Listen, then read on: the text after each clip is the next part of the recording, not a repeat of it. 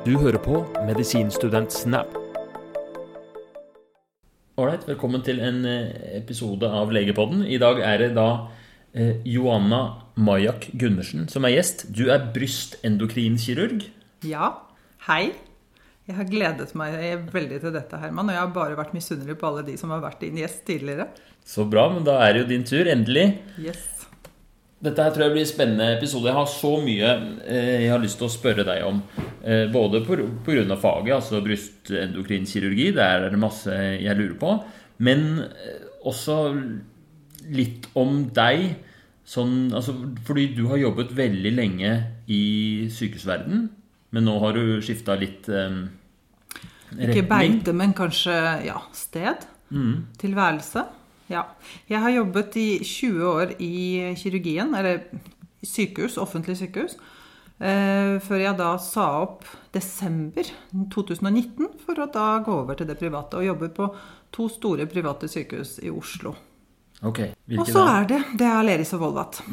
Og så har jeg en eh, liten bistilling, prosjektstilling, i Legeforeningen som eh, jeg forteller litt mer om senere. Det var, det var både og. Det var et vanskelig valg. Det trengte modningstid. Det å forlate det fantastiske sykehusmiljøet, kollegiet For så vidt ikke kirurgien, for jeg holder på fortsatt med kirurgien. Men det satt langt inne, så jeg brukte mange år, egentlig en modningsprosess, før jeg bestemte meg for at nei, nok var nok. Og så gikk jeg over til det private.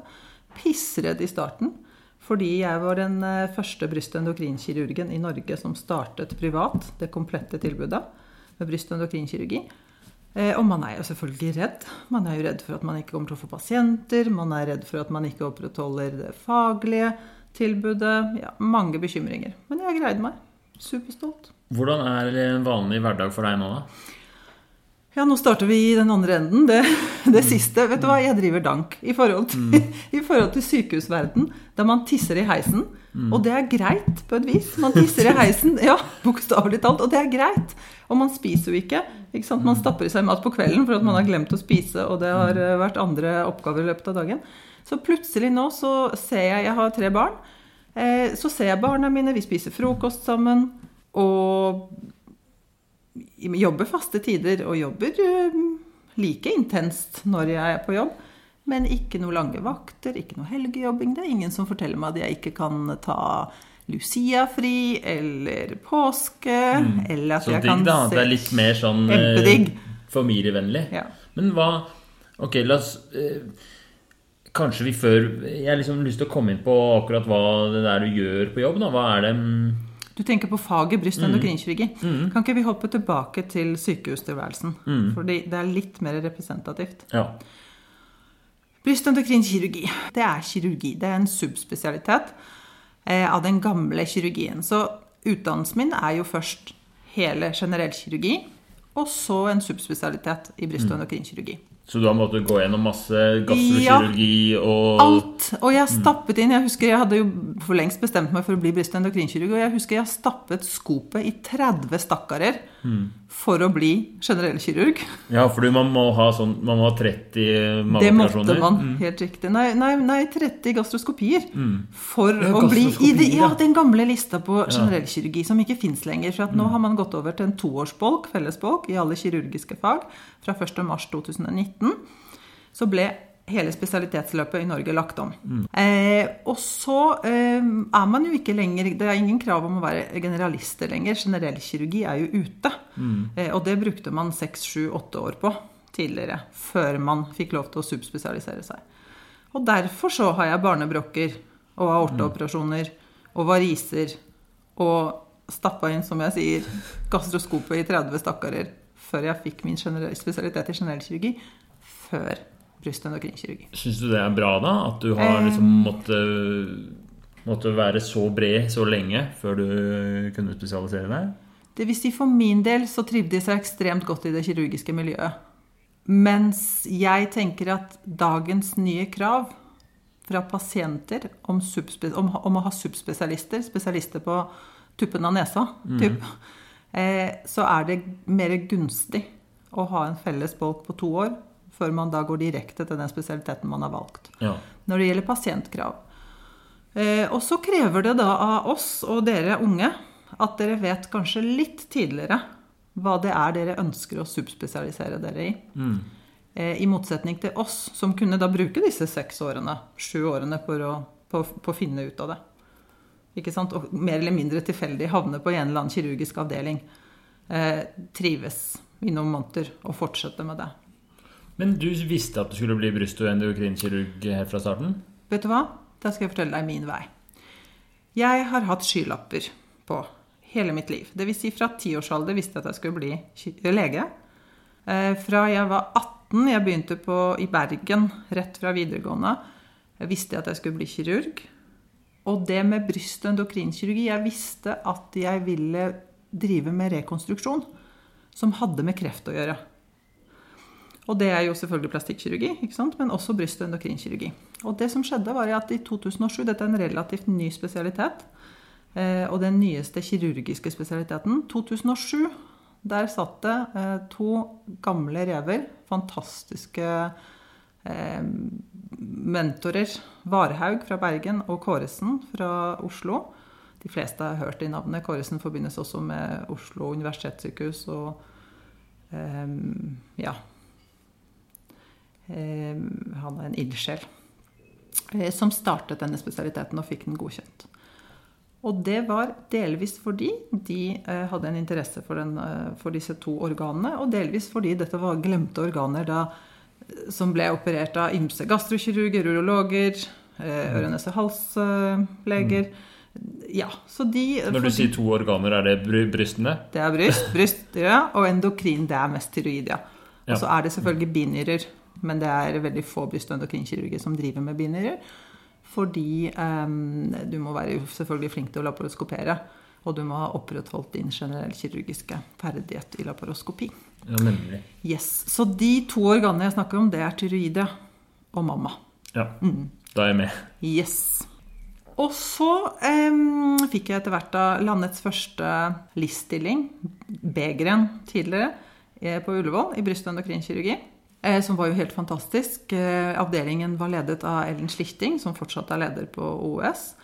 Fikk masse tillit fra starten, sånn at den karrieren bare skjøt opp i været. Det var helt fantastisk. Og der fikk jeg jo eh, kombinert eh, det kirurgiske, de kirurgiske ferdighetene, eh, og litt det med Altså det er mye psykiatri i bryst- og endokrinkirurgi. Det er en brystkancer, og brystkanserkvinnene er en krevende gruppe. Eh, De er som regel veldig oppegående, de har googlet, de vet hva de vil. Som regel. Så det med den psykiatrien og det med Når du eh, sier psykiatri, du mener at det er mye jeg sånn mener ikke er diagnoser. Jeg mener mye, Mm. Helt riktig. Takk for at du bringer meg tilbake på, på den korrekte. Absolutt. Og jeg, jeg sitter ofte, og jeg er veldig, veldig, veldig opptatt av kommunikasjon. Og jeg sitter ofte på kontoret, og jeg har kanskje to sekunder på meg idet pasienten kommer inn døra, der du kan tolke pasienten. Jeg sier ikke dømme, jeg sier tolke.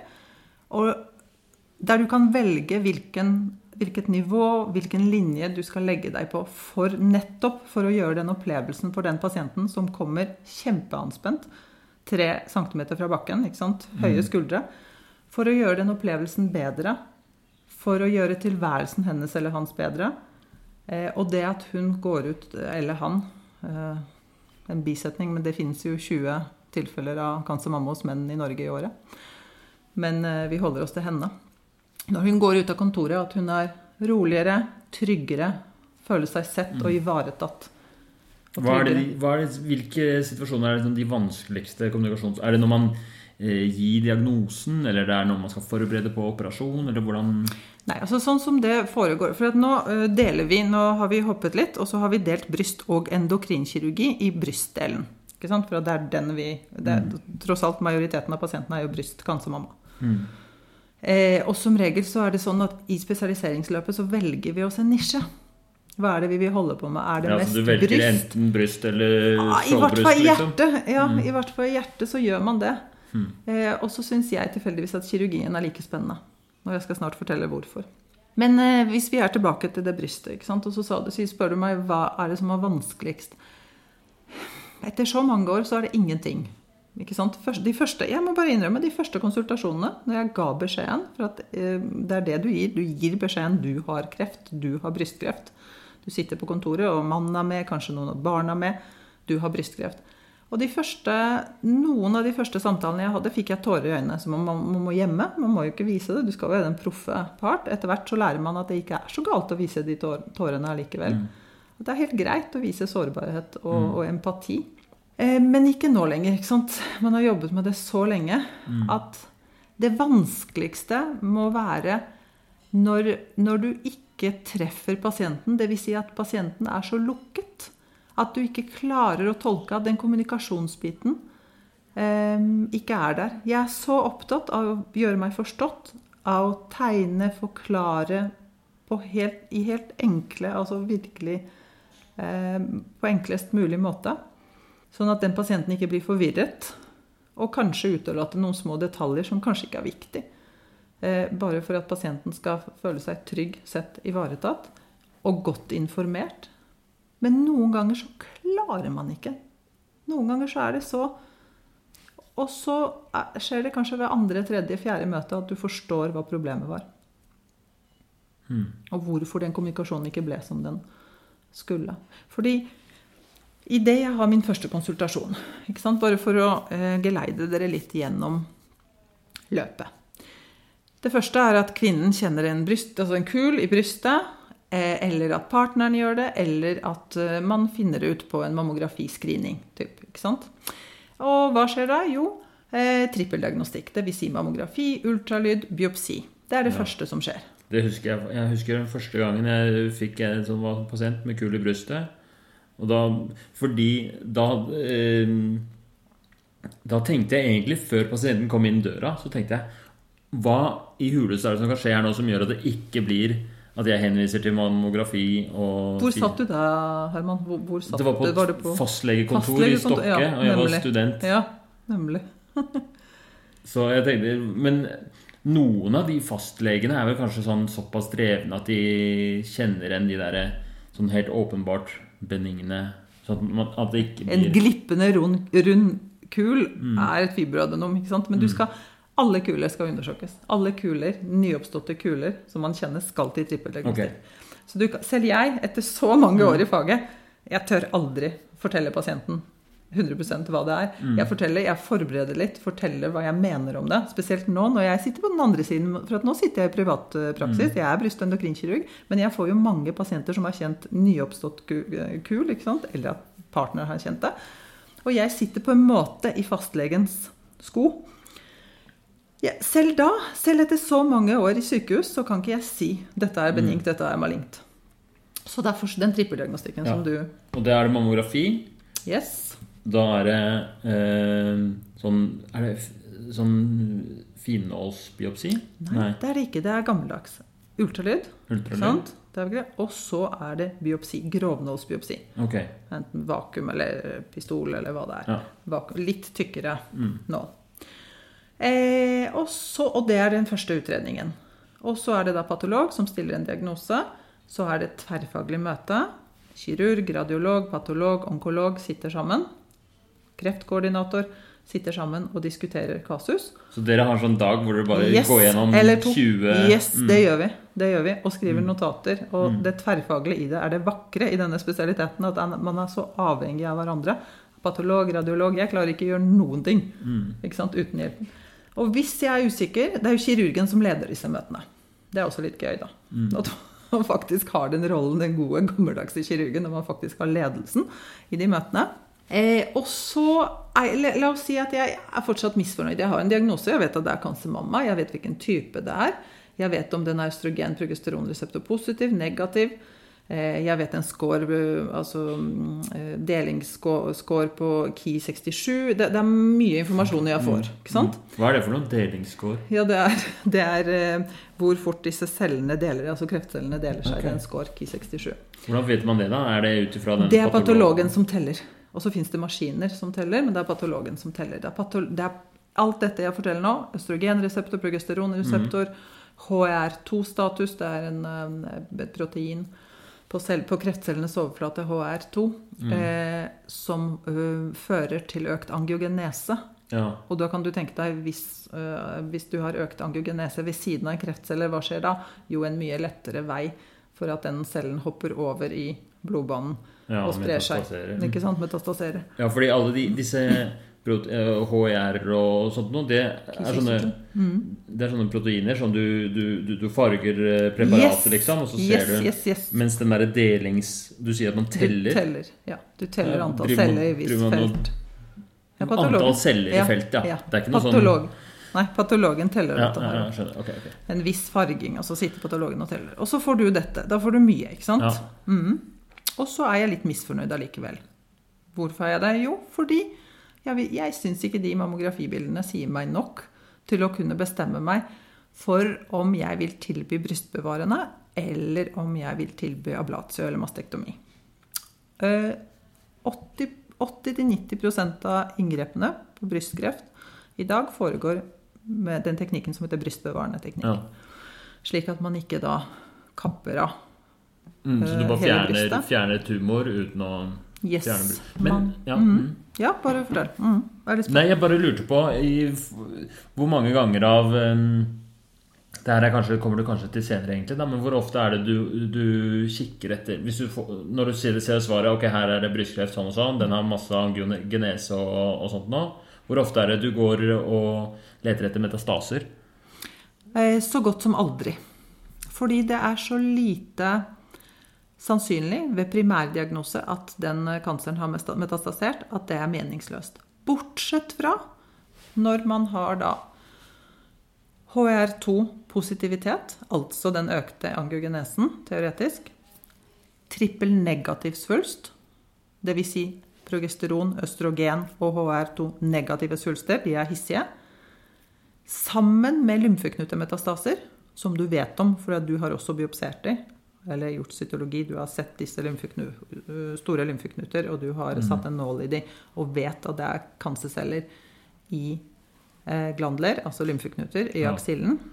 Ja, for det hører alltid med den derre det, fordi det har du funnet ut, fordi når du har undersøkt brystet, så har du også undersøkt aksillen. Aksillen, selvfølgelig. Ikke sant? Og hvis du har den kombinasjonen, så utløser det noe som heter metastasescreening. Dvs. Si at du tar sete av thorax, abdomen og skjelettsintigrafi for å sjekke skjelettet. I okay. andre tilfeller, når du ikke har de hissige, når du ikke har en mistanke om at det kanskje har spredning på diagnosetidspunktet, metastatisk kanser, så trenger man ikke det. Hvis en eh, person har brystkreft, hvilken eh, eh, type er det best å få? Liksom? Er, hvilken er det du håper på? Ok, hvis jeg først skal velge, Ja. det er da eh, NSD, non-specific type, heter det. Kanskje en subtype av det som heter musinøs. Grad 1, altså musinøs fordi den eh, slimer, slimete, det er en type. Mm. grad 1, der du ikke har høy proliferasjonsfaktor, altså Ki67 er en proliferasjonsfaktor. Ja, la oss nå bare si, snakke litt fag her. Vi er ikke, dere er ikke pasienter, dere er kolleger. Um, proliferasjonsfaktor er lav. Grad 1. Um, damen er over 50. Ikke ja, det er bedre. Mm. Enn en selvfølgelig så er det bedre enn om det er en 30-åring som kommer med er, men de er også ofte mindre farlige. De er mindre Mm. farlige, helt riktig. De er mindre farlige. De er hormonsensitive, ikke sant? Ja. Østrogen og progesteronreseptor positive. Ja, Det er forbundet med bedre prognose. ja. Så du vil ha en uspesifikk musinøs Eksempel Eh, grad 1 ja. ja, Hvis du skal velge. reseptorpositive Mm. hos en gammel dame. Ok. Det, ja, Helst ikke, men Ja. helst ikke. Er det noen ganger når du undersøker brystet at du, kan, at du bare skjønner Oi, shit, det her er kreft? Ja, det gjør man. Det gjør man, og det er de tilfellene der du har enten hudforandringer Det, det typiske dere har alle hørt om peau d'orange, altså appelsinhud. ikke sant? Når du har inntrukket mamille samtidig med en tumor Ja. under, da må det ringe noen bjeller. Da er du Da er det ikke mastitt, da er det ikke brystbetennelse.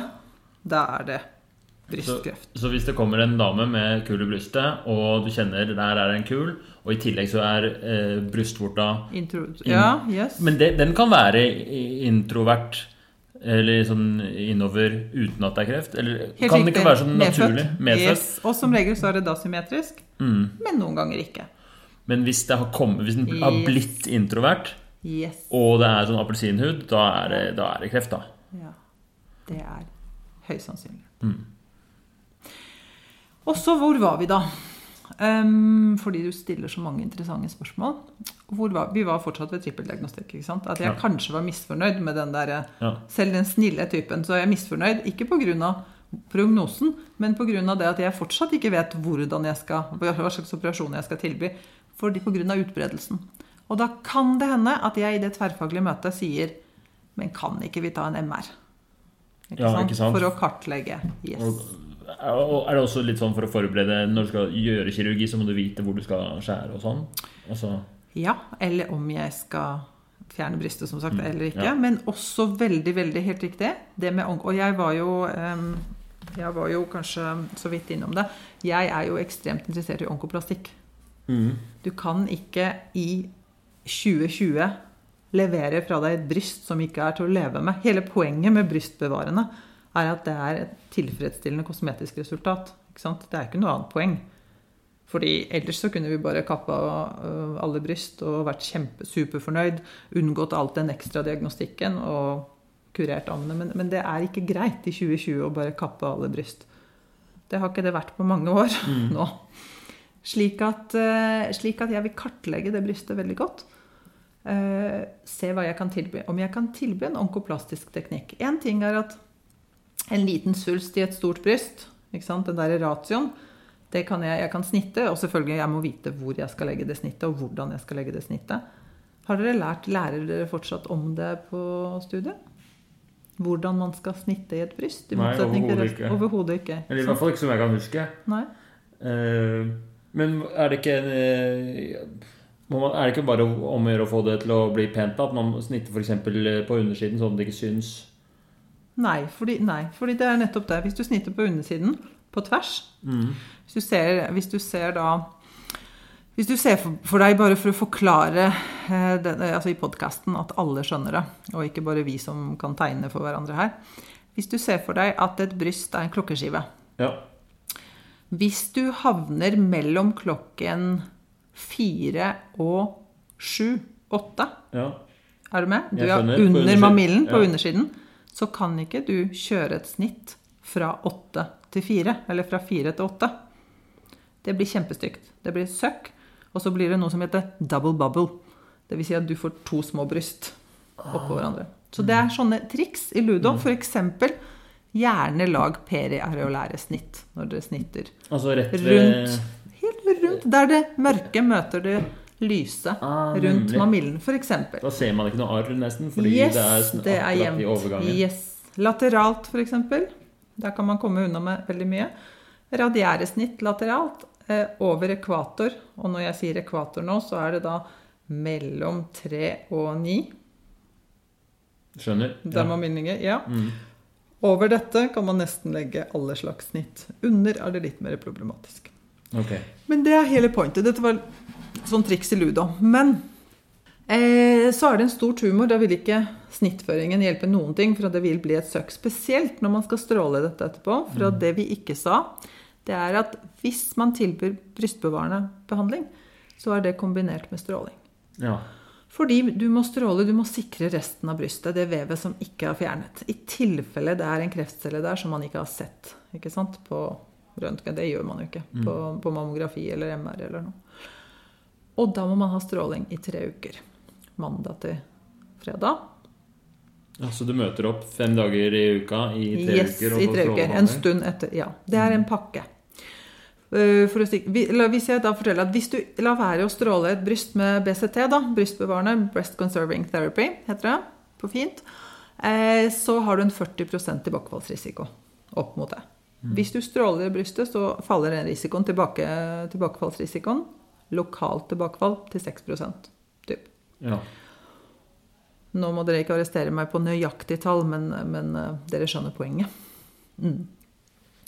Så det er det. Så Sånn stråling er jo dritviktig, da, selvfølgelig. det er kjempeviktig. Åpenbart. Hvis man ikke hadde stråling, hadde man da måttet fjerne For eksempel. Ja. Det hadde vært tryggere. Mm. Og man ser faktisk de nyeste tallene, jeg tror det er 2016-tall, 17, at eh, det er en tryggere behandling eh, med BCT, brystbevarende, og stråling enn bare mastektomi. Man stråler ikke på mastektomi. ja. At det er hakket tryggere, faktisk, å kunne tilby den strålingen. Ja da, og det er, mange, det, er, det er kanskje den spesialiteten, når vi først er inne på det, stråling, cellegift, eh, tabletter, ikke tabletter. Det er den eh, spesialiteten og den krefttypen i Norge som har de mest utstrakte retningslinjene fra Norsk brystkancergruppe. Jeg satt i Norsk brystkancergruppe til jeg sluttet på, på sykehus. Det er en fantastisk gruppe, Norsk brystkancer, altså NBCG, som består av 30 leger i Norge. Det er onkologer, det er patologer, det er kirurger, det er radiologer, det er plastikkirurg. Eh, som eh, oppdaterer retningslinjer to ganger i året. Eh, Så bryst, eh, brystkirurgien bryst, har de beste retningslinjene? De er veldig oppdaterte. Mm. Veldig, og vi er, så, vi er så heldige. Vi er så, åh, USA er så misunnelig på oss. Å ja. Eh, de er kjempemisunnelige for at vi har kontroll på vår populasjon. Når det gjelder kontroller, ikke sant, å gjøre opp materiale og forske på folk. Vi, er, vi nordmenn er så pliktoppfyllende. Bare se på korona. Hvordan det har gått. Ikke sant? Hvorfor har vi lykkes? Fordi vi er så sabla pliktoppfyllende. Og her sitter jeg og Herman, forresten. Ja, er vi en meter fra hverandre? ja, en Ja, og ikke har vi hilst på hverandre, og ikke Ja. Og jeg prøver å la være å ta på, ta på overflatene her. Ja, ja.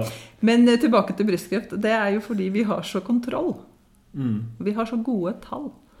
Fordi du har kreftregisteret, og du har alle mulige forskjellige Ja, Og så kommer pasientene og møter opp til de Ja. kontrollene de skal. Vi har faste kontroller, vi har fast rapporteringssystem, som du sier, til Kreftregisteret. Veldig få steder som behandler brystkreft. God oversikt generelt. Ok, men nå, nå skjønner jeg litt mer av hverdagen din. Da, den, eh, fordi den, den handler om å gjøre Eller i hvert fall da du jobba på sykehuset, så handla det om å ta inn pasienter til, eh, til undersøkelser, trippeldiagnostikk, sitte i disse eh, tverrfaglige møtene med, og, og bestemme eh, skal vi gjøre brystbevarende eller skal vi gjøre mastektomi. Og så opererte du sikkert masse. Ja, for der har vi hoppa av et ledd. Og så var det den der kommunikasjonsbiten der jeg skal formidle den diagnosen og det jeg har bestemt i det tverrfaglige møtet til pasienten. Og det er den første gangen jeg møter pasienten som kirurg på okay. poliklinikken. Du har ikke møtt pasienten før? Jeg har ikke møtt pasienten. Fordi de har blitt henvist Yes. til den trippeldiagnostikken av fastlege? Yes. Ja. Yes, det var det vi snakket om. Enten av en det private eller fastlege. Ja. Yes. Og så, jeg som kirurg på sykehus, møter disse pasientene. Og det er da dette begynner, ikke med at jeg informerer, forteller, forklarer, gir prognoser, eh, ser på brystet, planlegger kirurgien. Mm. Alle de som har eh, ikke-cancer etter trippeldiagnostikken, de blir bare, får bare en beskjed? De får bare beskjed, helt riktig. Eller så er det noe benignt, og noe av det benigne må fjernes allikevel. Okay. Mm. Mm, men eh, veldig lite. Så de som har kanser, de kommer. De vet ikke at de har kanser. På noen steder, noen sentre i, Oslo, i Norge, så vet de det, fordi de har, altså sykehusene har organisert det sånn at de får diagnosen samme dag, eller blir oppringt av en kreftsykepleier. Det kommer avhengig helt av sykehuset. Men som regel så gir du den diagnosen, ikke sant. Og samtidig så må du tåle de tårene, eh, den fortvilelsen, det sjokket det er. Noen har ikke tenkt dette. Eh, noen har ikke planlagt det. De skal eh, ha en fest for 30 stykker om en uke. Eh, noen har et prosjekt på jobben å levere. Noen skal få barnebarn. Altså det, det er jo mange livssituasjoner. Eh, og så skal du informere, så skal du operere og velge operasjon, ikke minst. Og planlegge. Og så kommer du til det jeg elsker, og det er den kirurgien. Fra du har den der samtalen, eller fra Mm. de møter opp til fastlegen, eh, blir henvist, får den trippeldiagnostikken og kommer til deg og får diagnose, hvor lang tid pleier det å ta? Hmm, det er jo, Har du hørt om eh, pakkeforløp? Ja, ja. Ja, bry, bry, brystkreft er jo et pakkeforløpsdiagnose i Norge. Fra eh, sykehuset mottar eh, henvisning til ferdigbehandling kirurgisk skal det gå 21 dager. Oi, shit, det Mm, er det er skikkelig skitt. Ja. Og der, vet du, der bringer du meg. Der er du, det er en fantastisk eh, vei inn på den frustrasjonen man opplever på sykehus for tiden. Fordi pakkeforløpstider er det man blir målt på. Og ofte så er det sånn at vi som kirurger, som leger, trenger litt tid på diagnostikken.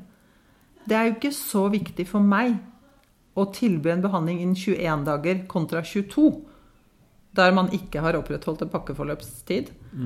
Eh, det er viktig for meg å stille riktig diagnose, planlegge riktig for kirurgien og få pasienten til å være med på laget. Det er det viktigste. Å få riktig behandling, ikke raskest behandling. Så det der pakkeforløpet og den der eh, tidsfokuset Grønne tall, som det Ikke heter. sant? Så det, det har jo sikkert lykkes i å redusere tiden, og det går fort, Mm. men det, er, eh, det kommer jo på bekostning eventuelt da, noen ganger av at du må prioritere Ja. mm, Og det er en frustrasjon, og det gjør man jo ikke som kirurg. så gjør man ikke Det Det er bare det at man blir minnet på det av ledelsen hele tiden. Og det er en frustrasjon. Det oppleves som en frustrasjon. Okay. Fordi Ja. Så du må stå der, og så kommer lederen og bare 'Hvorfor ble ikke det gjort på 21 dager?' Så må du si sånn 'Nei, men jeg måtte planlegge bedre'. Det litt sånn. Mm. Ikke helt sånn. Jeg skal ikke skylde på ledere. Mm. Det er ikke sånn. Men, eh, men ja, litt frustrasjon. For det viktigste som sagt for meg, det er å tilby eh, riktig behandling. Ja. Punktum. Og i verste, vet du hva? Hvis jeg skal, da, skal jeg sette det på spissen, veldig flåsete Hvis vi hadde da kappet av alle bryst, 100 ikke sant? så hadde vi sluppet unna den ekstra diagnostikken det er å planlegge en MR, ta ekstra biopsier. Fordi det trengs kun til planlegging av kirurgi, brystbevarende kirurgi. Det er tilbake til hvor man skal legge snittet omtrent, og hvordan man skal fylle ut hullet. Ikke sant? Men hvis man da slipper det, og bestemmer seg for at alle mastektomeres, så kan man gjøre dette her på to dager. Ja. Ikke sant? Og det var eh, satt på spissen, selvfølgelig. Hva, hvor, hvor, hvordan syns du det er å gjøre de operasjonene? Liker du å operere? Oh, må du spørre. Vet du hva, det er en lidenskap. Det er, det er så fantastisk. Eh, For det første håndverket, ikke sant. At det, er, altså, det, det er- noe som ligger i hendene. Em, og det å kunne Det å kunne utføre en operasjon ublodig Du følger, du følger Altså, kroppen er jo laget av lag. Det å kunne følge lag Og de lagene er jo helt ublodige, ikke sant. Du har okay. jo avaskulære. Har du, har du vært med på en operasjon noen gang? Ikke brystoperasjon, nei. Ikke, bryst- men andre operasjoner? Ja. Blodige? ja, det er veldig blodig. Ja, det er det det, er det, det ikke er. Mm. Hvis du på en måte er Hvis du kan anatomien godt, og kunne tilby da et funksjon... Altså ved å da operere vakkert, Mm. altså ublodig, så kan du tilby et så fantastisk funksjonelt resultat, for at det henger sammen, skjønner du. Mm. Det henger sammen. Jo mer blodig du opererer et bryst, jo mer muskel du river opp.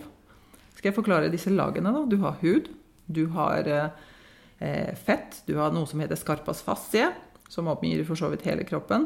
Så har du disse glandlene, så er det mer fett, så er det to lag med fascie over musculus pectoralis. Og du skal ikke herpe, du skal ikke gjøre hærverk der inne. Jeg sier alltid det til mine assistentleger som jeg prøver å jeg prøver så å overføre all den kunnskapen jeg har. Jeg har måttet lære meg alt selv. Det er jo ingen som fortalte meg ting. ikke sant? Det er jo det som oftest skjer. Men hvorfor? Hvorfor ikke dele? Hvorfor ikke bringe? Hvorfor ikke få andre til å blomstre med en gang? Og slippe å ta de, og gjøre de feilene? Nei, men hvorfor fikk du, Hadde du ikke noen gode læremestere, liksom? Jeg hadde det, men jeg hadde også dårlige. Og så er det det at jeg er eh, en estet, ikke sant? Um, Hva altså jeg- At du liker at, estetikk, eh, at det det skal, skal se pent ut. Mm. Og jeg mener, og det var en klok ortoped, doktor Strømsø på Aker sykehus, som sa til meg at hvis det ser pent ut, altså hvis gipsen ser bra ut på utsiden, så er den også funksjonell og okay. sitter godt på. Og det har jeg egentlig holdt meg til. For hvis, det, hvis resultatet, hvis jeg kan levere et resultat, da er det da type mastektomi. Er et rett arr, det arret ligger lavt og ikke vises i utringningen. Eh, Det er ingen aderanser. Det arret vokser ikke inn i sant? for du har revet opp halve muskelen, og, og, og det er eh, aderanser og arrvev. Eh, Så er det også et funksjonelt resultat. Der kvinnen ikke opplever smerter, der protesene, ø, utvendige protesene er lett å tilpasse. Det, er, det er mye som henger sammen. Utvendig protese, hva er det for noe? Ja, det er en sånn eh, silikondings som man kan uh, bruke i BH-en for å da dekke defekten hvis du har mastektomert, da, uten Ja, å rekonstruere ja. primært. For det er det som er vanlig nå, er å tilby primærrekonstruksjon. Dvs. Si at protesen, silikonprotesen legges inn samtidig. eh, Ja. Med brystfjerning. Og noen ganger så må man fjerne brystet, for at eh, er så utbredt at du har ikke noe å tilby med brystbevarende inngrep. ikke sant? Ja. Og da legger man protese innvendig. Men så er det mange som da enten ikke eh, egner seg fordi de røyker. Og det øker jo fare for nekrose. Eh, kanskje fedme, kanskje fordi de ikke snakker norsk. Altså det, det, er ting, altså det er et inngrep. Det å legge inn protese krever litt samarbeid. Og de som ikke egner seg, de får bare fjernet brystet. Og da må de ha protese i BH. For det går ikke an å, når man har gjort bryst uh, som mastektomi, det går ikke an å rekonstruere den på noen måte? Altså... Jo, det er det jeg sier. Du kan putte under huden, mm. så kan du putte, ja. eller under muskulaturen. Du kan løfte pectoralis Eh, og så kan du legge inn en silikonprotese. Ja. Så, og det er, det, det er, veldig vanlig. Blir det bra? Blir det... det... blir eh, hva skal jeg si, det blir bedre enn ingenting. Mm. Og målet er alltid symmetri i bh, mm. ikke i speilet. Mm. Men eh, de fleste blir fornøyd. Hvorfor er det, det er viktigere å få ha symmetri i bh-en enn i speilet? Det er, uh... det, er, ikke viktig. Det er bare at du klarer ikke teknisk. Og uh, fordi du, har, du mangler Hvis du tenker deg da at du må fjerne både mamillen i mange tilfeller og hud mm. ikke sant? Eh, om å løfte muskulaturen, pektoralismuskelen, så er den protesen kanskje ikke like stor som motsatt bryst. Kanskje du må redusere motsatt bryst. Du mangler kanskje mamillen. Eh, den, nye, den nye puppen er mye strammere og mindre. Sånn at du klarer teknisk ikke, ofte ikke å oppnå ja, uh, det naturlige. Fordi du har liksom ikke helt det samme å jobbe med? Anatomien er borte. Ja. Du, det, er, det, er, nettopp det som ligger i saken, at du må rekonstruere. Det er veldig, det nye, det nye, og det er babyen min, det er jo å gå med et snitt inn fra mamærfolden. Hva er det for noe? Det er når du, når du har et bryst, mm. så er det en fure Altså mm. under brystet. Ja. Der brystet ender, altså slutter, på en måte, og ja. thorax abdomen altså Det var den jeg begynner. tenkte på i stad. At det var der, å legge snitt der. Det var bra. Det ja. var en kjempegod tanke. Ja. Da tar jeg, jeg tilbake. Brystet, liksom, så var det den folden. Nydelig. Mm. Og det er nydelig. Jeg er helt enig. Og der kan man gå inn, og så kan man fjerne ved hjelp av en teknikk så kan man rett og slett fjerne eh, innholdet i et bryst uten å forstyrre mamillen eller huden. Mm. Og så tar man det ut. Det snittet er ofte på 5-6 cm. Ja. Og så fjerner man innholdet, og så legger man inn en protese. Og det ser pent ut. Og da har du ikke forstyrret hud eller mamillen. Men igjen, det kommer helt an på hvordan den kanseren er. Om den vokser inn i hud eller inn i mamillen, så kan du ikke gjøre det. Så det er, helt, ja. Eh, det er avhengig helt av den tilbake til den planleggingen som vi snakket om. Men skjønner du, det er fascinerende. Det er så ja, mange er jo, fasetter. Det er, så mange, det er, det er, ikke så enkelt. Ikke det er jo det er jo ekstremt mange fasetter eh, til, bryst, altså til, å være brystkirurg. Det syns jeg er veldig Jeg, jeg digga jo å operere når vi var med på det i turnus òg. Mm. Syns det er en veldig eh, kul del av eh, Medisin? Av, ja, av ja. legeyrket. Å drive og, ja. og der, det håndverket. Det er så helt mm. utrolig fjernt fra altså, alt vi lærte på studiet. At, at det der eh, Bare måten å jobbe på, da. Men de som eh, det lurer jeg på, de som driver med kosmetisk brystkirurgi, mm. er de mm. alltid brystendokrinkirurger fra før? Nei, det er plastikkirurger. Det er plastikkirurger, selvfølgelig. Mm. Og det, eh, hvis vi er tilbake til min operasjon, det å kunne levere et godt resultat i 2020 mm. De fleste operasjonene foregår eh, i samarbeid med en plastikkirurg. Okay. Og så er det noen som meg, som er mm. onkoplastikere, som kan ja. bryst. Som kan også den plastikkirurgiske biten på mm. bryst. Mm. Så du trenger ikke plastikkirurg? Yes, det er noen få mm. i Norge. Mm. Det, er en, det, er en, spesialinteresse. Det mm. er analt hos mm. meg. det er den estetikken som man, skal, som man, er så opptatt av. Men uh, i de fleste tilfeller så er det en plastikkirurg som bidrar. At, at, brystkirurgen gjør det onkolo den on onkologiske kirurgien, og så er det en plastikkirurg som bidrar. Men har du jobba med kosmetisk kirurgi også? Eh, nei. Det har jeg ikke. Eh, det hadde sikkert vært en fordel. Um, nei, det har jeg ikke. Det har jeg ikke rukket. Mm. Jeg har liksom hatt skylapper fra jeg begynte ja. på medisin. Uh, kirurgi, brystendokrinkirurgi og tre kids. Og satt i spesialitetskomité, mm. Norsk brystkancergruppe, ja, og startet det private parallelt med at jeg jobbet på sykehus. Men det der private du har starta, hva er det for noe? Du, det er, det er kjempespennende. Jeg må, for, ja, jeg må fortelle litt om det. For jeg og en kollega Eh, plutselig så møttes vi på Ahus, eh, og så hadde vi samme tanke. at Hvorfor ikke? Hvorfor starte? Vi var litt frustrerte av det at vi ikke kunne tilby den tiden og den mm. varmen til pasientene på sykehuset som de trengte. Fordi Eh, vi var, det var tidspress. Jeg som sagt tissa i heisen. Mm. Eh, og det Jeg driter i om jeg gjør det, men at pasientene ikke fikk den tiden de trengte, eh, det var eh, veldig frustrerende. Så derfor så tenkte vi hvorfor ikke. Og så var det en morsom vei, fordi at eh, vi tenkte det samme. Vi startet hos eh, Oslo-gynekologene på Majorstua. Og det, idet vi startet der, så Er, den, er hun også brystendokrinkirurg? ja, hun har gått ut av Mm. bryst- og endokrinkirurgi. Hun er, jobber i privat legemiddelfirmaet akkurat nå. Mm.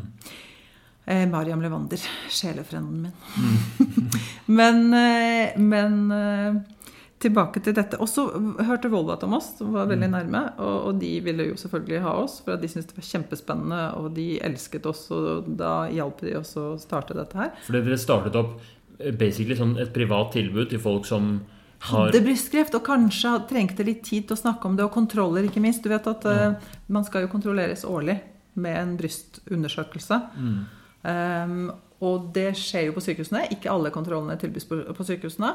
Eh, fastlegene er, de er flinke, men det er ikke alle som er interessert i bryst og undersøke bryst. Og ikke like flinke, kanskje. Og kvinnene opplever mange bivirkninger av de medisinene de står på. Så de trenger noen proffe å snakke med. Ok, Så det er egentlig sånn postoperativt tilbud? Yes, Mm. det var det som var. Og så har det utviklet seg til eh, kontroller, selvfølgelig. Eh, Nyoppdaga kuler i brystet.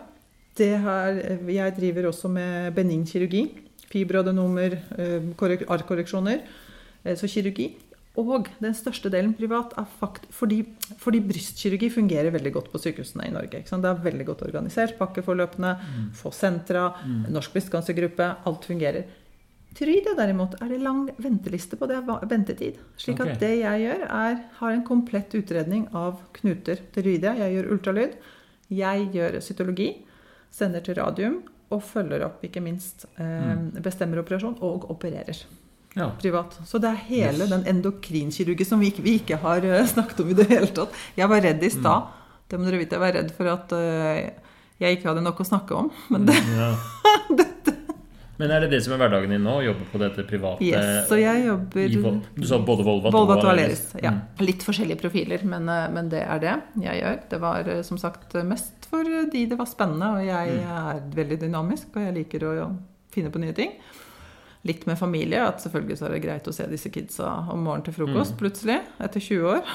Og så eh, Ja. Og litt, eh, litt fordi jeg hadde lyst på mer fritid Ja, generelt. det skjønner Men- veldig godt. Ja, og så eh, fant jeg også en kjempespennende, og det var det jeg skulle også nevne. Eh, I tillegg til det så eh, er jeg da ansatt i Legeforeningen på et prosjekt med legejobber.no. Superspennende prosjekt. Jeg hadde aldri tatt det, hadde ikke hatt tro på det. Um, og det prosjektet har jo eksistert i to år før meg, men de trengte en medisinsk rådgiver. Og det er um, flerdelt. Blant annet uh, karriererådgivning for uh, unge leger. Eh, det er mange av dere som fomler litt og ikke vet helt, og ikke vet de hva, hva slags tilbud det er i allmennpraksis, ikke vet de og hvilken spesialitet på sykehuset. Så det at jeg sitter her og snakker med mange av dere, snakker og bruker tid, det er en del av prosjektet. Så da kommer det til Altså det er et Legeforeningen-tilbud Yes. til eh, Er det til medisinstudenter eller leger? Nei, det er til alle. alle. Det er etablert, alt fra etablerte leger til unge leger til medisinstudenter. Kan kommer eh, som- karriereveiledning. Karriereveiledning, det er det ene. Og, og det eh, Jeg skal ta litt tilbake til det. Det andre er jo selvfølgelig at vi har laget en CV. CV-mal. Det er bare å gå inn på legejobber.no. Der står det eh, min profil, CV. Og det er, hvis man da legger litt inn litt opplysninger om seg selv, så får man automatisk generert en CV eh, som er utviklet av leger og av arbeidsgivere. Okay. Og som kan brukes i resten av karrieren. Mm. Eh, og så eh, knyttes man da til legejobber.no og kan få den veiledningen. Men eh, du var interessert i den veiledningen litt, og det er Vi er skikkelig dårlige på det. Mentor, vi er det. Altså I Norge så er vi skikkelig dårlige på det. Mentorordninger. Hver eneste en av dere jeg snakker med Og jeg, eh, jeg var jo medisinsk eh, faglig ansvarlig på Ahus. Eh, Hadde mange unge leger under mine vinger. Og jeg elsker det å kunne fremme eh, få dere til å blomstre, rett og slett. Man skal, det, det er noen Man skal ta vare på dere. Det er dere som skal behandle meg når jeg, blir, når jeg er gammel. Eh, og jeg skulle ønske jeg hadde en mentor. Jeg skulle ønske jeg hadde noen som veiledet meg eh, mer enn det jeg fikk da jeg var ung. At noen rett og slett tok, holdt meg i hånden litt. Og ville meg vel. Det er egentlig det som er eh, Så tips til dere. Finn dere en, en overlege som vil dere vel. Eh, det er viktig. Ja, for det er sikkert Eller det, det vet jeg jo, at det er veldig stor forskjell i graden av veiledning man får forskjellige, både i forskjellige spesialiteter og forskjellige sykehus. Psykiatri er faktisk kjempebra. Vi har, Så topp. eh, det Så er hyggelig å høre. Veldig sånn krav om at man skal ha én veiledningstime i uka, og så har man i tillegg psykoterapiveiledning som går over flere år med samme veileder. Fordi det, struktur, det høres veldig strukturert ut. Ja, det er veldig bra. Men um, det er sikkert forskjeller på det også. Men i hvert fall jeg er dritfornøyd. Så bra. Mm. Eh, helt sikkert. ja. Men, men hvorfor har du Det høres jo fortsatt litt sånn plutselig temaskifte, da. Fra å eh, virkelig spesialisere deg på, på kirurgien og være, prøve å være så god lege som mulig for pasientene. Og til og med starte et eget eh, privat tilbud, fordi du så liksom her er det noe som mangler. Og så over til noe sånn organisasjonsjobbing og, og Nei, jeg er ikke så altruistisk. Altså det, det er bare fordi jeg syns det høres spennende ut. Jeg elsker å jobbe med, med unge mennesker, Ja. rett og slett. Så det var bare et bi- Jeg tror eh, jeg altså Som jeg fortalte i stad, så det er det er et stort skritt å gå ut etter 20 år fra sykehusliv Mm. og har en eh, trygg lønning ikke sant, til å gå og starte i det private. Et nyoppstarta tilbud. Ja. Måtte du Eh, starte liksom med, med altså, finne investorer og lage forretningsplan og alt sånt? Nei, men jeg måtte lage eh, Nei, ikke det økonomiske. fordi at Volvat står jo altså De har jo vaskehjelp, revisor, jeg får kontor. Ja. Eh, Aleris akkurat det samme. Så du kom bli- Fantastisk? Mm. apparat. Yes. Fanta Begge steder. Helt fantastisk apparat. Proffe folk. Det høres jo veldig ut som de var litt sånn fleksible. da Du hadde, eller Dere hadde en, en god idé, eller liksom, og så bare tok de og bare fasiliterte sånn at det funka? Helt riktig. Det er det de gjorde. De- Mm. Er det sånn for kan, Hvis en eller annen lege har en god idé, kan de ikke da kontakte Volvat Ja. og bare Det tror jeg ikke, fordi at vi er jo brystendokrinkirurger. Mm. da. Jeg har jo min ballast. Eh, så de oppfattet oss som veldig flinke. Ja. Eh, Man må være litt stjerne. Man må være litt stjerne. Man må være litt stjerne. Og er ikke det bra? Jo, jo. Og det er litt trist, på en måte, for at de stjernene forsvinner jo fra det offentlige. Ikke sant? Så litt trist er det. Mm. Fordi det skal det ikke. Det skal være et godt tilbud. Men eh, Jeg har det- inntrykk av allikevel at de, det, er, det er ikke i, jeg, jeg tror i andre land så er det et større problem enn i Norge. At det er Mm. mange som Det er fortsatt en sånn følelse av at ja, men man skal jobbe på sykehusene, liksom. Og det er gode tilbud og veldig gode miljøer og sånn på sykehusene. Eller Mm. Ja. er du ikke enig? ja, og nå skal du Jeg, jeg har holdt meg lenge, men Mm. jeg, jeg, har, jeg har lovet å komme med litt frustrasjoner. Har jeg ikke? Ja, du, det bare har jeg. kjør på. Ja, det har jeg, fordi det er frustrasjoner. Eh, og jeg har ofte tenkt på dere yngre som begynner i den medisinen nå. Nå hører jeg at du er kjempeheldig og har veiledning. Eh, når jeg signed up for this, så var det Hippokrates ed. Da var det en overbevisning. Du skulle hjelpe pasienten. Du hadde gode, trygge, lune kirurgiske miljøer. Du hadde folk som ville deg vel. Du hadde eh, det apparatet rundt deg. Det er ikke slik nå. Altså. Det er byråkrati. byråkrati. Det, og, og dette er en frustrasjon som jeg hører mange av mine kolleger deler. Eh, Og når du sier at det fortsatt er et ønske om å jobbe i det offentlige, det er et ønske, men det har blitt vanskeligere for oss. Vi blir eh, ikke satt pris på på, på lik linje. Tall er viktig. Eh, økonomi. Altså dette er eh, økonomisk styrt. Dette er, dette er butikk. Du driver butikk. Ja, har du noen eksempler på sånn typisk situasjon som du syns var kjip, som ikke hadde skjedd før? Sånn, Ja, altså, Både personlig og for pasienten, hva vil du høre? Personlig er det at man eh, er helt avhengig av eh, en sjef, eh, ferie, ikke ferie, fritid, ikke fritid. ikke sant? Det er det typiske. Det at man har forventet at man skal forske på fritiden uten overtidsbetaling. ikke sant? Det, er- det er også helt vanlig. Eh, Spesielt i Oslo-sykehusene og universitetssykehusene. Eh, Når det gjelder pasienter, så er det det at du f.eks. får altfor lite tid per pasient. Det er en frustrasjon. Og da, her har du det altruistiske igjen. Og det er ikke det. Jeg kan godt uh, forklare i to setninger hva jeg skal gjøre, Men den pasienten vil ikke være lykkelig, den vil være utrygg når den forlater kontoret mitt. Og det klarte jeg ikke å leve med. Og så tenker jeg det er mange mellomledere. Altså den, den strukturen, altså fra jeg begynte på medisin, og fra jeg var lege, eller mine foreldre for den saks skyld, så um, så er det mye som har forandret seg, strukturen. Og mange mellomledere som da er nødt til å levere. Og det er byråkrati.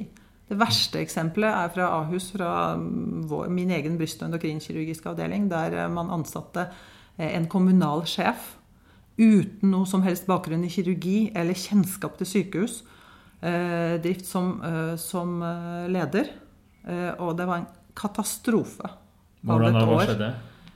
Altså, Miljøene ble splittet, folk ville ikke være der. Fire av seks overleger var sykemeldt, eller om det var fem av seks ble sykemeldt i en avdeling. Det, det, er ikke, det, det henger ikke på greip. Så føler du på en måte at du har blitt litt sånn presset ut av offentlig sykehus fordi det er for dårlig eh, opplegg? Nei det, nei, det gjør jeg ikke. Det var et valg. Jeg kunne blitt, og jeg kan dra tilbake. Eh, veien er åpen. Og den siste, jeg må bare nevne, den siste sjefen jeg hadde, var veldig fin. Men han var kirurg, og Ja. er kirurg. Eh, så det er noe helt annet. Men det er ikke det man opplever at det er vanskeligere. Det er ikke det fine løpet. Vi er ikke de, vi er ikke de gode behandlere. Vi er styrt av tall. Hva må gjøres da hvis det skal liksom bli Vet bedre? hva, jeg har, så, jeg har så stor tro på dere, dere unge. At det er ikke At noen at vi har sterke stemmer. At vi må ta den verdien og yrkesstoltheten tilbake. Jeg kan ikke Dette snakket jeg med presidenten i eh, ILF i går om. At eh, ressursene våre mm, altså Vi begynte å snakke litt om eh, at vi ikke blir satt pris på på sykehusene. Og dette, du hører dette fra en erfaren bryst- og endokrinkirurg.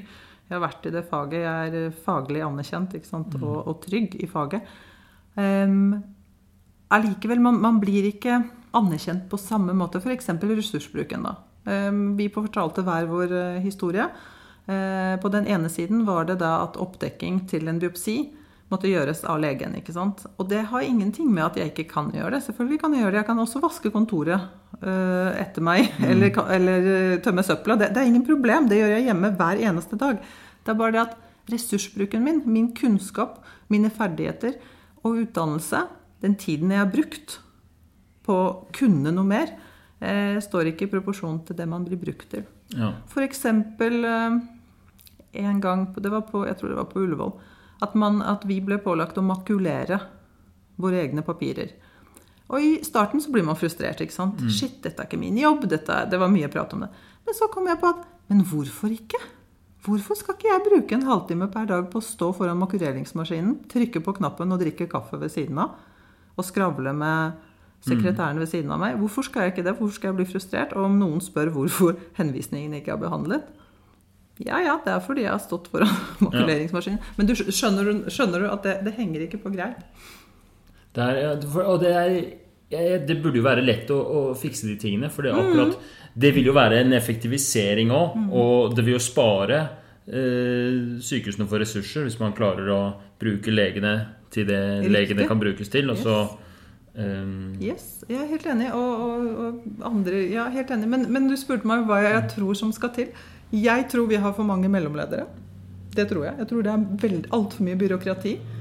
Jeg ønsker meg så sterkt tilbake til de gode faglige kirurgiske miljøene og medisinske miljøer. Det kan være indremedisin. Jeg tror alle andre sykehus som jobber på sykehus, opplever det samme. Um, uten det store rapporteringsbehovet hele tiden.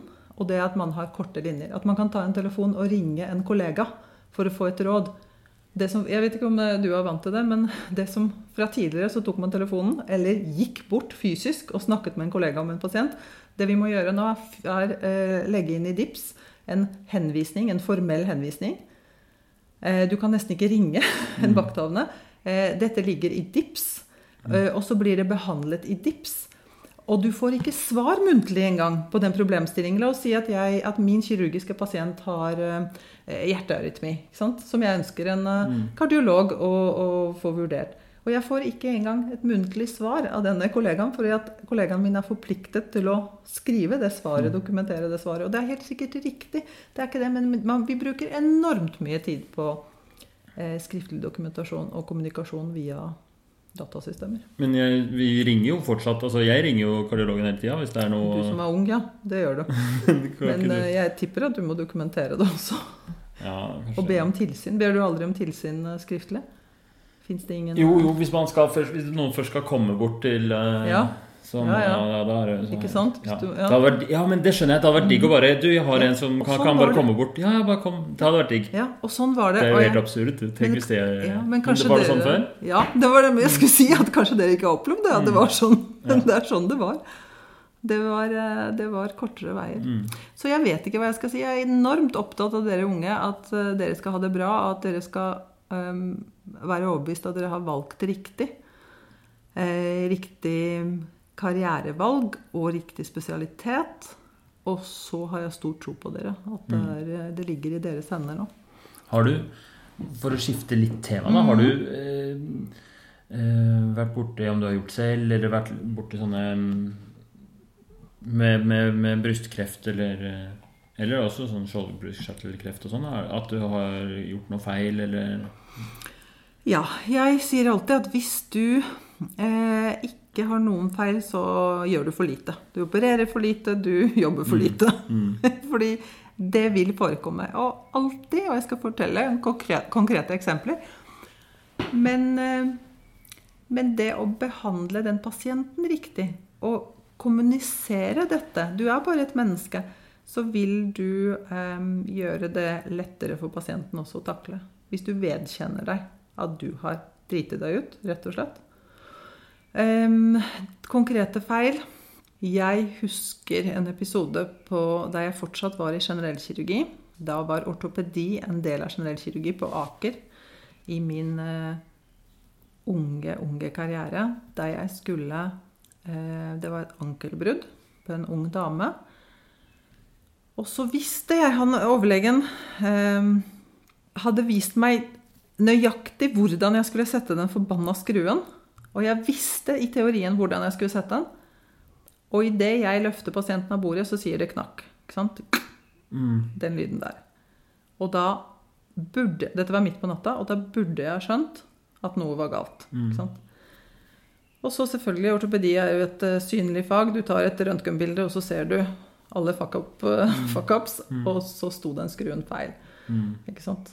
Det som var ekstremt fint For det første så snakket jeg med pasienten. Det måtte reopereres. Punktum. Den skruen måtte ut. Den var, gikk gjennom eh, ikke bare Altså Det er noe som heter syndesmoseskrue, og den skal gjennom både fibula og eh, tibia. Ja. Eh, og den traff ikke tibia, den gikk bak. Altså gjennom fibula og på baksiden av tibia. Ah, ikke sant? Skjønner. skjønner. Så det var, skitt, det var skikkelig var det, det er en sånn Weber uh, sånn, Fraktur, ja. ja. ja.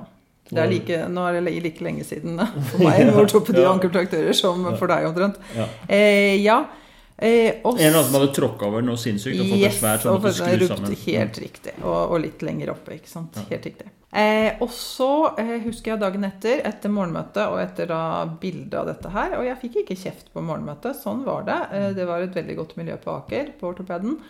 Um, og så um, fikk jeg lov til å snakke med den pasienten selv. Jeg var veldig ung, veldig mm. fersk. Eh, og ikke nok med det, men jeg fikk lov, jeg fikk tillit til å reoperere den pasienten selv. Jeg fikk assistanse av en mm. overlege. Men det var så mye læring i at mm. jeg fikk den tilliten. Og kunne reoperere pasienten selv. Og selvfølgelig fikk jeg supervisjon eh, den gangen og ikke var alene som på natta. Så det var den ene fuck-upen. Hva sa eh, pasienten, da? Hun var lei seg, men, men, det var ingen sak av det. fordi at sånn er det bare. ikke sant? Og mm. kommunikasjonsprosessen var, var mm. grei. Men det er jo også, og det er ikke mine egne, da, men det, er, det, er, det at, at, man har fjernet bryst uten kreft. Mm. ikke sant? Det skjer. Eh, at man har fjernet feil bryst. Oi, det har skjedd. Og jeg som, jeg som medisinskfaglig ansvarlig satt jo og svarte på disse klagene på, på, Ahus. Og det skjer. altså Ting skjer. Mm. Og det er som regel rutinesvikt. Det at du ikke har satt, kryss, satt, kryss før operasjonen på riktig bryst eller riktig side. Mm.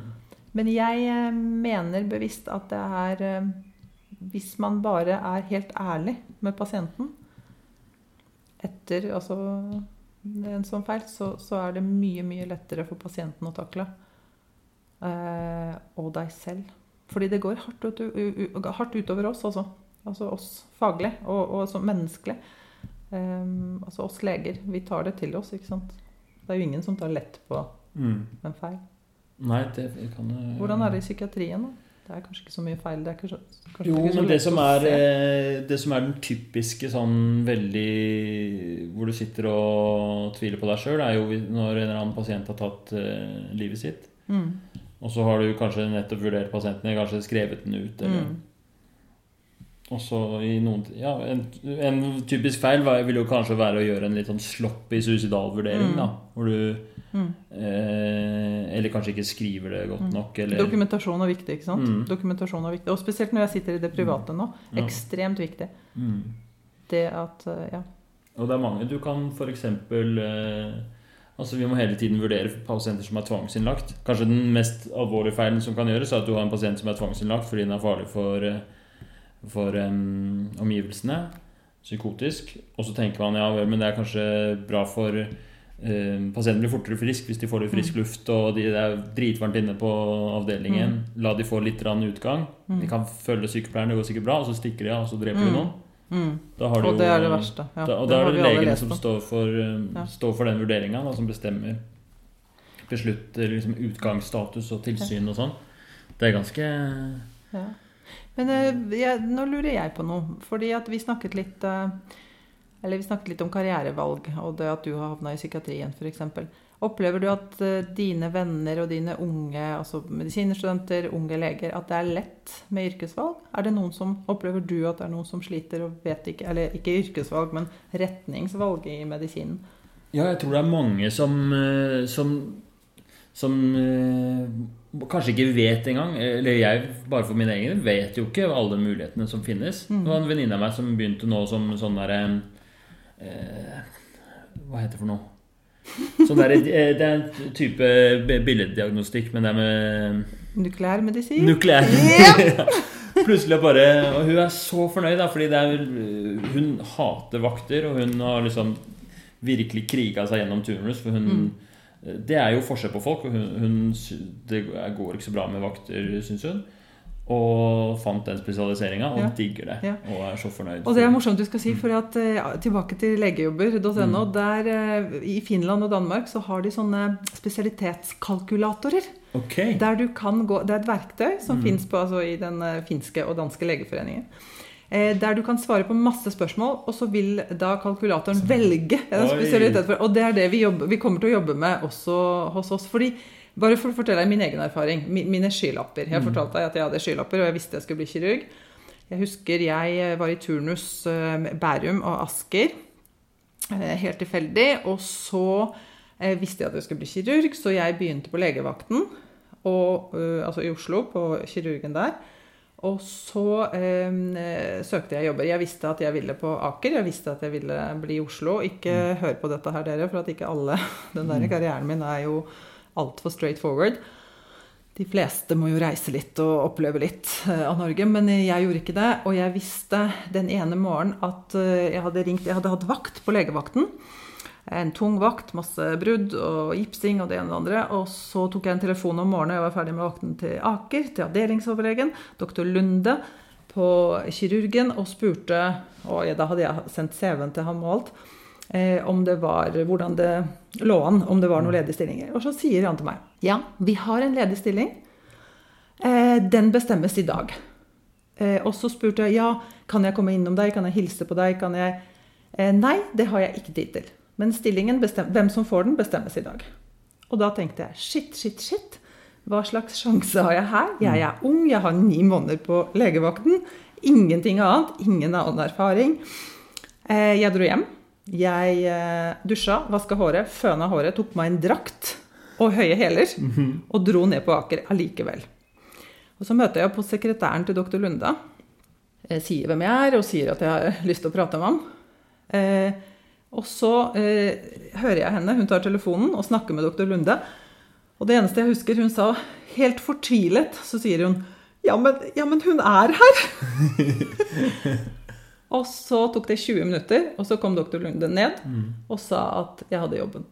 Kult. Fordi, og det var kult. Men vi kan ikke ha 900 liss mm. ikke Ja. sant, som møter opp mm. og gjør det samme. Det, det går ikke. Eh, og derfor, eh, som sagt, og der, det, det fører meg tilbake til den, eh, det prosjektet i legejobber.no. Ja. eh, For å hjelpe dere. Ja, Jeg husker det var så ekstremt frustrerende, den derre prosessen det, det, Jeg syns det var så øh, Tok så mye av fokuset for en avslutninga på medisinstudiet. Det hvor viktig det var å få det der lisensjobben for å igjen få turnusjobben. Det, var, eh, det var en skikkelig sånn stressfaktor som Mm. Og det tror jeg er fortsatt, er det ikke det? Det er jo ganske mange LIS-ventere. Vi- Ja, det er sikkert verre nå, ja. Vi får ekstremt mange henvendelser. Og hva kan en LIS-venter gjøre? Ta korte vikariater. Sykehjems? Sykehjemsvikariater. Kanskje legevakt eh, her og der. Mm. Ikke Oslo. Ikke sant? Så det er veldig få jobber. Mm. Eh, legejobber. En LIS-venter. Og det er jo det Legeforeningen vil eh, ha bort. Ikke sant? Mm. Vi vil jo ha nok LIS-plasser. ja. Det kommer alle. 100 til, gjør det ikke? Det gjør det. Det kommer 200 til, sikkert. Okay. Men, men er det nok? Nei, det vet jeg ikke. Nei, men eh, dritbra.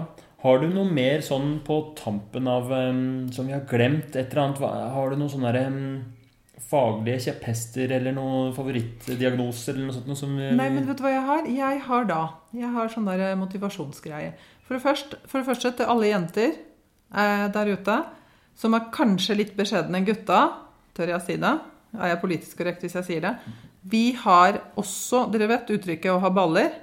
Eh, vi har retensio testis hele gjengen. Og noen ganger så må vi la de ballene henge.